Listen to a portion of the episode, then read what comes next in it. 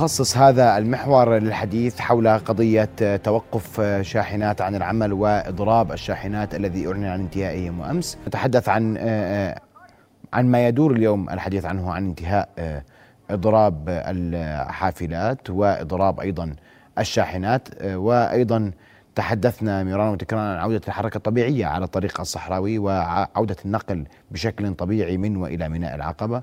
والسؤال عن حجم ما يوجد في العقبة الآن من أحمال تحتاج إلى حركة بضائع وحركة نقل وكيف وكيف يمكن التعامل مع نتائج الإضراب التي استمرت لأيام؟ وهل فعلا عادت الحركة إلى طبيعتها حول موضوع الباصات؟ وهل هناك من أي إضرابات أو توقف عن العمل من قبل أصحاب الباصات؟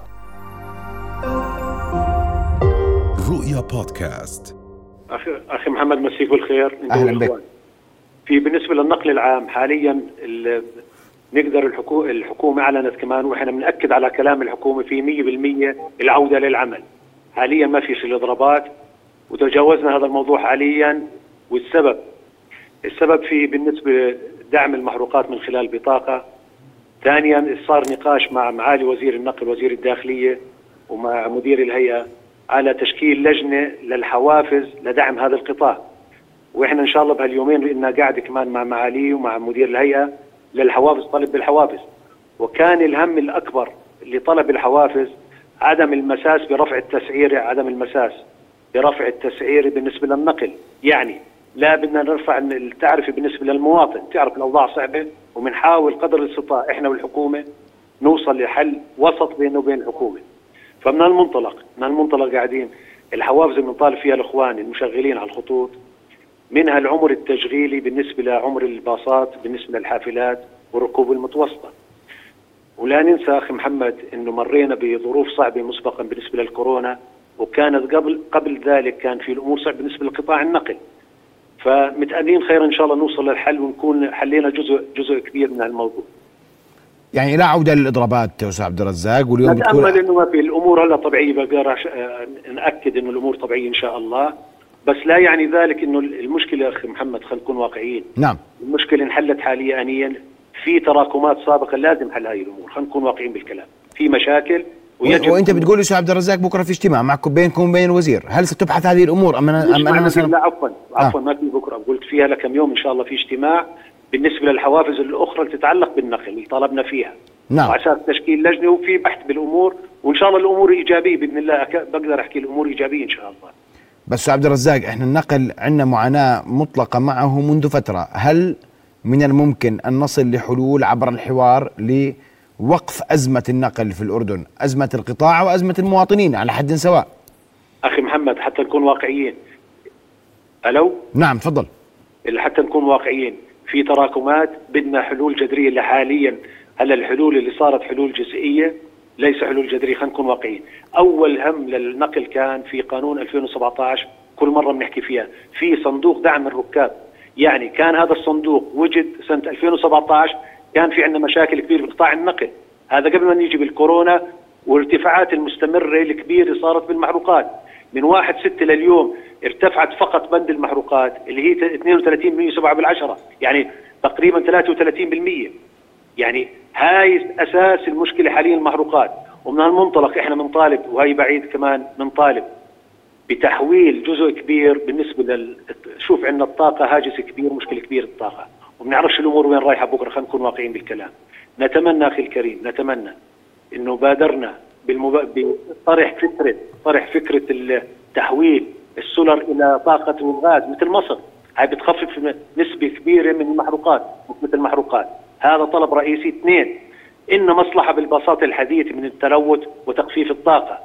هذا بدها فئات كاملة وبالنسبة لقروض بدها دراسة من وزارة البيئة تتعمل بهذا الكلام. نعم. بس, بس أخي الكريم لا يجب حل هذا الأمور في في بقانون النقل. كذا مادة في في كذا مادة تحل هذه المشاكل. تخفيف الأذى خلينا نقول. مش العصا السحري نقول تخفيف أذى. والصندوق بعيد وبكرر ضروري اليوم قبل بكرة. بالإضافة إلى حكي هذا أخي محمد. في بالنسبة للمعادلة التعرفه بالنسبة لعند هيئة النقل المحروقات فقط تمثل 35% من الكلفة التشغيلية، يعني إحنا نقاشنا كان مع الحكومة فقط على نسبة 35% ومشكلتنا أكبر من هيك. نعم. فنتمنى بدك نتمنى والحكومة في جادة إنه في دعم يجب في دعم للنقل العام حتى الاستمرارية بالعمل وتنظيم العمل. لازم يجب التنظيم هذا. نعم. ومن هالمنطلق سيدي الصح هو تثبيت تسعيرة المحروقات. تثبيت بدناش نقول بدنا نخفض ونرتفع. يجب تثبيت سعر المحروقات لحل هذه المشكلة. تثبيته بحيث لا تتعدى نسبة المحروقات المعتمده في هيئة النقل واللي هي 35% هذا الحل الجذري. أما حاليا إحنا من عمالة بنحل يعني تأخذنيش بالكلمة العامية فزعة. إحنا في شغلة فزعة وهذا لا يجوز. نعم. واضح جدا. بعرفش إذا واضحة نقطة اللي بحكي لك واضحة تماما أستاذ عبد الرزاق الخشمان نقيب أصحاب الباصات كنت معنا عبر الهاتف أشكرك كل الشكر. علقت على الموضوع. اجتماعات مرتقبة لمزيد من الحلول لهذا القطاع ونحتاج إلى حلول جذرية وليس نظام فزعة. رئيس تنفيذي لشركة تطوير العقبة الأستاذ حسين الصفدي معنا مباشرة من العقبة. أستاذ حسين مساء الخير. مساء الخير أستاذ محمد. أستاذ حسين أبدأ بهل عادت الحركة طبيعية من وإلى ميناء العقبة؟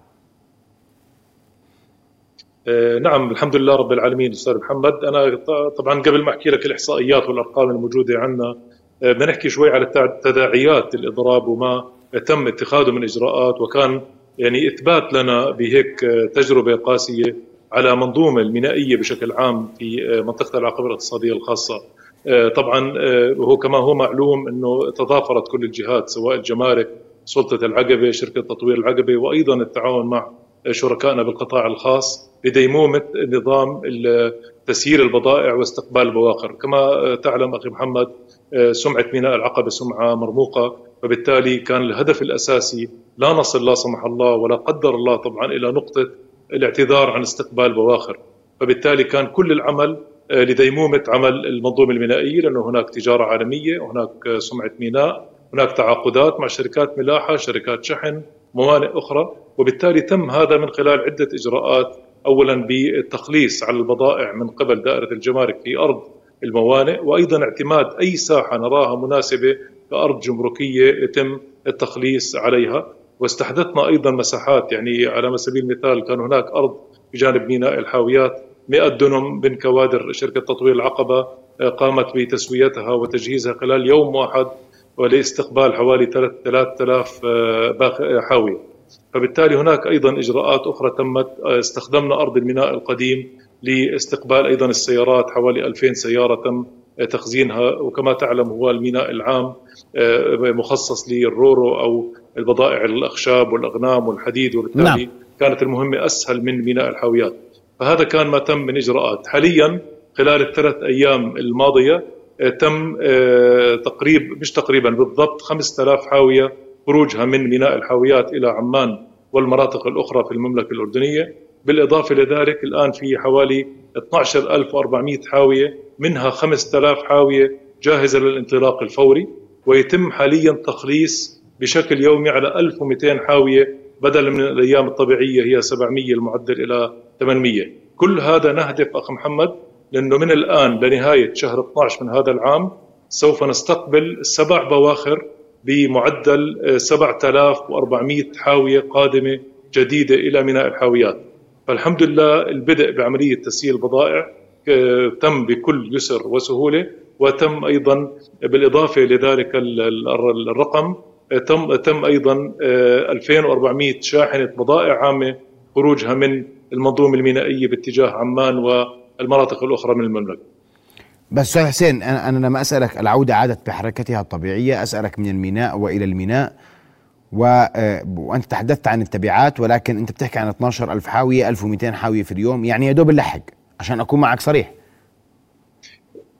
آه، سيدي 12000 من ضمنها 5000 جاهزة. يعني إحنا هلأ آخر ثلاث أيام آه، طلعت 5000 حاوية.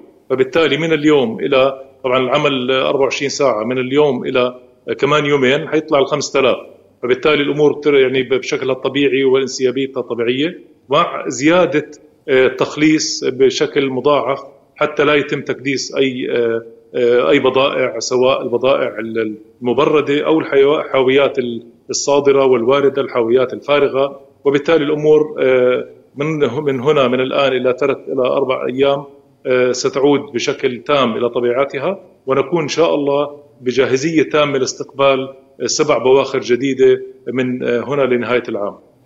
يعني أنت أنت مطمئن إلى ان قادرون على التعامل مع ما لدينا من حاويات وأنه خلال أربع إلى خمس أيام سيعود الميناء لعمله بشكل طبيعي وسيعود قدرته على استقبال البواخر إلى شكلها الطبيعي. نعم سيدي لا هي للتأكيد لم يتوقف أصلا هو عن استقبال البواخر، هو الكل اللي تم من إجراءات للا نصل لا قدر الله على نقطة إنه نعتذر عن استقبال البواخر، ولم ولن إن شاء الله نصل إلى هذا المستوى. وبالتالي الحمد لله آه، بدأت يعني من ثلاثة أيام خروج البضائع العامة وبضائع الحاويات بشكل مضاعف عن الأيام العادية. وبالتالي آه، إن شاء الله آه، لن يكون هناك تكديس للبضائع. طيب أستاذ حسين بسؤال آخر. هل لديكم أي شكاوى من قبل الشاحنات؟ أو من قبل التجار أو من قبل المخلصين حول حركة نقل البضائع من وإلى العقبه؟ ابدا سيدي وإجانا تعميم من دولة رئيس الوزراء ومن الأجهزة المعنية آه، بإعفاء التجار من الأرضيات آه، أنت تعلم أخي محمد هناك تعرف سواء بالميناء البضائع العام أو ميناء الحاويات للبضائع والأرضيات ما يسمى بالأرضيات وتم صدور قرار من مجلس الوزراء بإعفاء القطاع الخاص والتجار تحت بند القوة القاهرة أو القوة يعني الخارج عن إرادة المينا أو خارج عن إرادة القطاع الخاص أو شركات التخليص وشركات الشحن أنا أقصد أستاذ حسين وهذه نقطة مهمة جدا هي كانت مطالب أساسية في في في لحظات الإضراب والتوقف عن العمل من قبل الشاحنات لكن هل هناك شكاوى من من صعوبة أو من مشاكل تواجه الشاحنات أو التجار أو المخلصين على الطريق منه إلى العقبة؟ إيه، والله يعني لم لم يصلنا يعني إحنا يعني من طبعا إحنا من خلال مظلة سلطة منطقة العقبة الاقتصادية الخاصة نحن أيضا كشركة تطوير العقبة لم يصلنا أي آه، شكاوي في هذا القبيل. آه، نحن كل تركيزنا على المنظومة اللوجستية ومنظومة التخزين ومنظومة الشحن والمنظومة المينائية داخل منطقة العقبة الاقتصادية الخاصة. نعم. إذا لا مشكلات على الطريق الحركة تعود لطبيعتها خمس أيام سيعود الميناء لطبيعته بمعنى ما قبل أزمة الإضراب والتوقف عن العمل. وأستاذ حسين هل رتب وهذا سؤال مهم جدا اليوم إنه ما حدث هل رتب خسائر مالية على ميناء العقبة أو على آه، أي جهة أو أي طرف يخص الشحن والنقل؟ على حد علمك طبعا. آه، بطبيعة الحال أستاذ محمد أستاذ محمد بطبيعة الحال أي أزمات أو أي إضرابات أو أي أزمة من من من هذا القبيل أكيد في بعض الجهات تتكبد خسائر. من ضمنها مثلا على سبيل المثال يعني في مثلا الحاويات المبردة آه، تم تخزينها بشكل مولدات كهرباء آه، بحاجة لممكن بعض الأمور الإنشائية والبنية التحتية التدابير أيضا اللوجستية والتدابير الأمنية فأكيد في هناك كلف كانت غير طبيعية ولكن مش بالمعدل الجوهري كان في كلف أي نعم ولكن ما حدث فعلا كان عبارة عن شراكة حقيقية بين القطاعين القطاع العام والقطاع الخاص تضافر كافة الجهود. الأجهزة الأمنية إدارة الجمارك سلطة منطقة العقبة الاقتصادية الخاصة شركة تطوير العقبة شركائنا APM ميناء الحاويات وأيضا آه، شركة العقبة لإدارة وتشغيل الموانئ الساحات اللوجستية مثل قرية العقبة اللوجستية. فكانت يعني فعلا هي ورش وخلية عمل مشتركة وتشاركية هدفها فقط هي سمعة موانئ منطقة العقبة الاقتصادية وموانئ العقبة باستمرارها في تخليص البضائع واستقبال البواخر وعدم آه، لا سمح الله الوصول إلى أي نقطة خارج الحدود الطبيعية. نعم.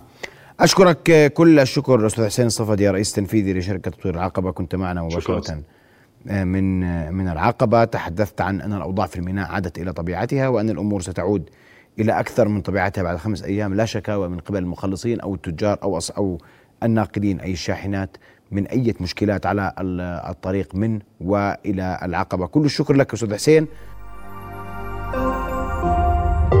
رؤيا بودكاست.